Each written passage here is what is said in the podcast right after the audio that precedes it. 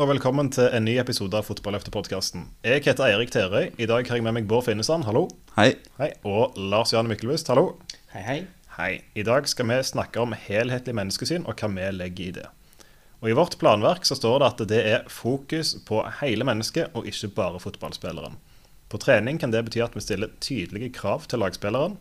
At vi ser hver enkelt spiller før, under og etter trening. Positive, konkrete tilbakemeldinger og at vi bygger opp under spilleren sin identitet. Jeg tenker vi går rett på første spørsmål. Jeg. Og Hva ansvar har vi som trenere overfor spillerne våre? Som trener, i, spesielt i barnefotballen, så har en som trener ansvar for spillerens trygghet, trivsel og utvikling. Eh, og faktisk da i den rekkefølgen.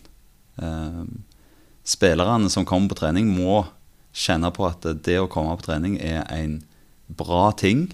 Det oppleves som en trygg plass der de kan kose seg med kompiser og ha det kjekt.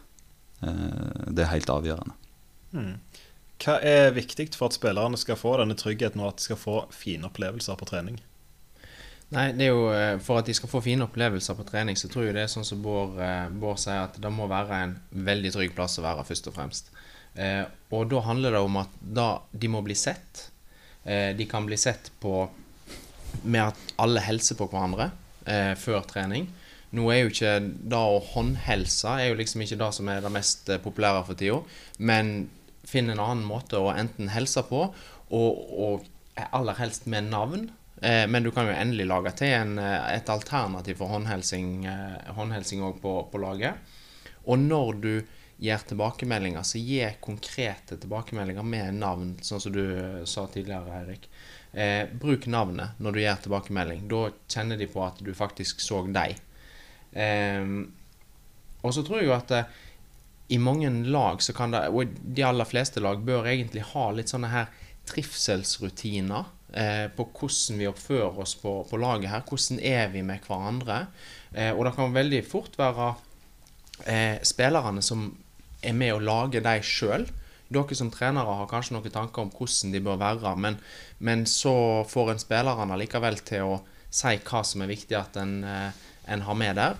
Hvordan vil de at det skal være på trening? Hvordan skal de være med hverandre? Få ned noen sånne punkt. Skriv de gjerne ned. Og så, før øktene, ikke nødvendigvis før hver økt, men i alle fall en gang i uka eller noe, så, så snakker en om ok, hva er hvordan skal vi ha det her hos oss? Hva er det som er viktige ting her hos oss?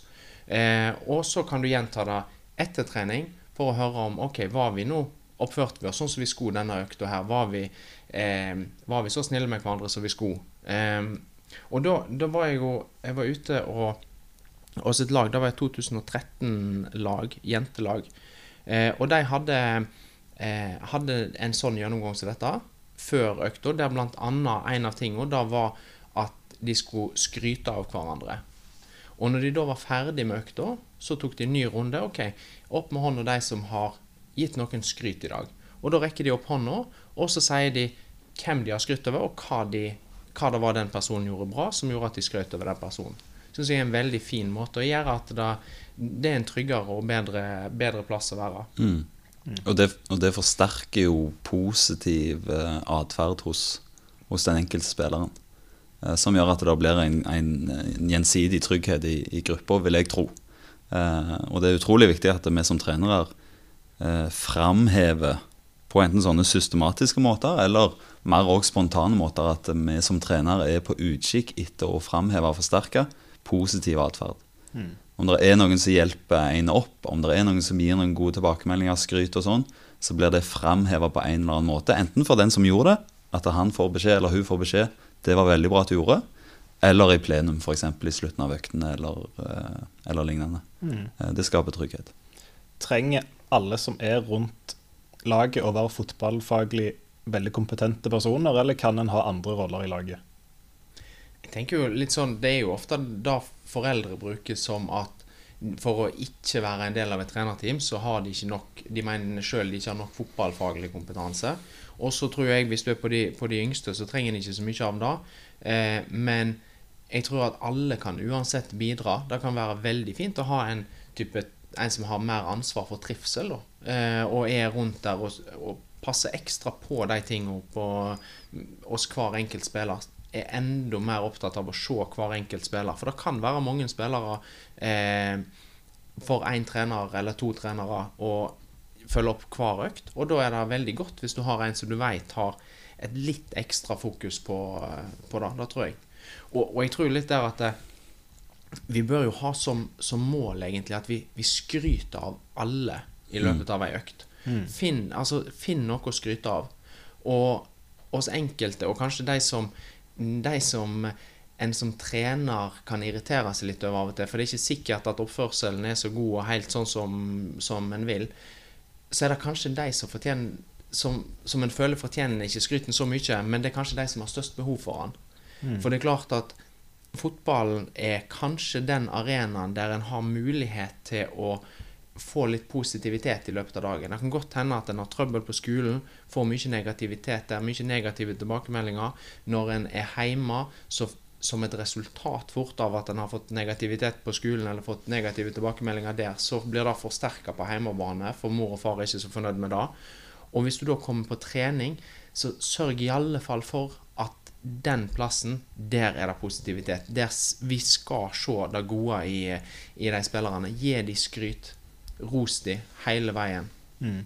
Og verdsett da mer enn bare fotballspilleren. Altså, det er ganske mye som skjer på en trening som ikke er fotball òg. Det kan være at du trøster en uh, kamerat eller en venninne som har slått seg. Det kan, være, det kan, være, veldig mye. Det kan være at du er med å rydde. Så verdsett mer òg, for det, det, er ikke alle som er der utelukkende for å bli toppspillere. og Da må vi, da må verdsette andre ting òg som, som, de er gode på. Men hvis vi har uh, et barn som kanskje har litt det vi vil kalle negativ atferd, altså at det er litt vanskelig å forholde seg til ungen på trening, og de fleste foreldretrenere er ikke utdanna pedagoger, hvordan forholder vi oss til, til negativ atferd? Jeg tror jo litt der at eh, negativ atferd, det som er Det var litt sånn som Bård sier. Forsterk positiv atferd. Og så prøv å ignorere negativ atferd. For det er litt da at den atferden du gir oppmerksomhet, den forsterker du veldig ofte. Så hvis det er noen som sliter litt med å oppføre seg, så prøv å ignorere dem eh, så langt det lar seg gjøre, og ha heller fokus på de som og gi skryt til de som gjør det som du ønsker at skal skje. Eh, men selvfølgelig, hvis det er sånn at spillere er, eh, er ufine med andre, så kan, må en jo stoppe det. Men, men, prøv da kanskje ikke stoppe det i plenum. Ta kanskje den spilleren til sides. Ta den spilleren med deg, eh, med deg vekk, sånn at ikke en skal eh, Ja, sånn at det ikke det blir i plenum, for da kan det veldig ofte bli negativt når en får liksom en klar negativ tilbakemelding der, så blir det en vanskelig rolle for den spilleren. Og så er det, Dere vet mer om dette enn meg, dere er utdanna lærer, men er det ikke lett å falle inn i en sånn rolle som du får òg? Hvis du er litt den utagerende, den litt vanskelige, så kan det bli et spor du går litt inn i? Mange av de som er litt utagerende, gjør det jo ut av et behov for oppmerksomhet. Mm. Eh, og, og, den oppmerksomheten bør gis når, når, når det går ut over andre. Eh, men så lenge det ikke påvirker andre, så, så bør det ignoreres og, og ikke gi så mye oppmerksomhet Samtidig så kan du jo ta de til sides etter økta og si eh, denne her oppførselen som du hadde, var ikke så bra. Hvorfor holder du på sånn? Eh, og det kan hjelpe, at, eh, hjelpe, til at den spilleren her får oppmerksomhet, og, og, da kanskje endre seg. Og spesielt hvis han får skryt for ting han eller hun gjør bra.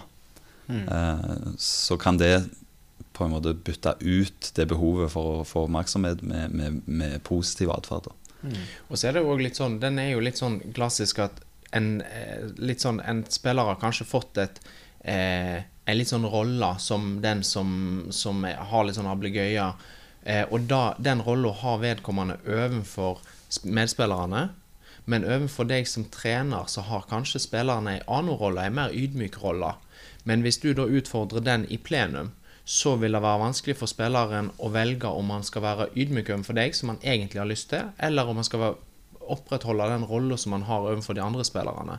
Så, så det skal en være litt bevisst på, og da, heller, da har det større effekt ofte å trekke spilleren til, til side og snakke med dem. Mm.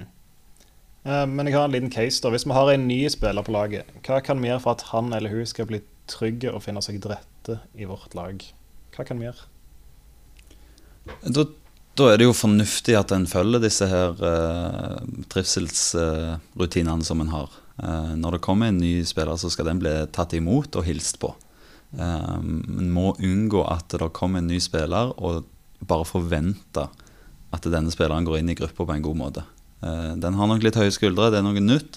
Vi må passe på at den får, blir gitt oppmerksomhet og opplever trygghet egentlig fra første sekundet. Mm. Eh, det, det, er liksom en sånn terskeløyeblikk kan du si da, for, at, for at den skal oppleve at den, at den blir inkludert. Um, mm. For enkelte så er jo det helt nytt, bare den, den settingen de var på fotballtrening. Du kan være ni år og begynne på fotball uten å ha spilt det før. Og den settingen der som de andre har vært i tre-fire år før, å gå inn i den, det kan være ganske skummelt. Selv om du går i samme klasse og du kjenner de andre, så er det noe helt nytt. Og, og da tror jeg du kan eh, der òg, altså bruk de de trivselsrutinene, litt sånn som Bård eh, var inne på. Men når du tar det opp i forkant av eh, økta, så kan du, du kan jo spørre spillerne OK, nå har vi en ny, ny spiller her. Hvordan tar vi imot han eller hun? Hva, hva, gjør vi? Hvordan oppfører vi oss?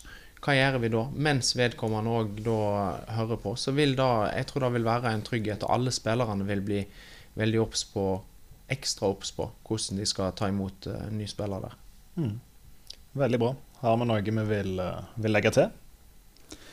Ja, jeg kan legge til noe som min gode kollega Svein Fjellberg ofte pleier å si. Vi, vi jobber mye i lag på, med, med, enkeltspillere her i akademiet. Eh, og han pleier å si eh, vi kan ikke garantere at hver spiller blir en toppspiller, eh, men de skal iallfall bli toppfolk. Veldig fint. En klok mann. Det er han.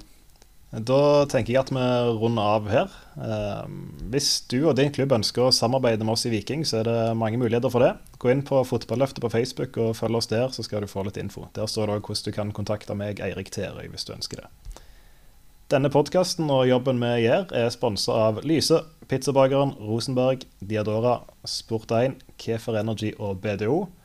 Da takker jeg for meg, og for dere, Bård og Lars Jan, for bidraget denne sesongen. Så ses vi. Likeså. Takk. Takk.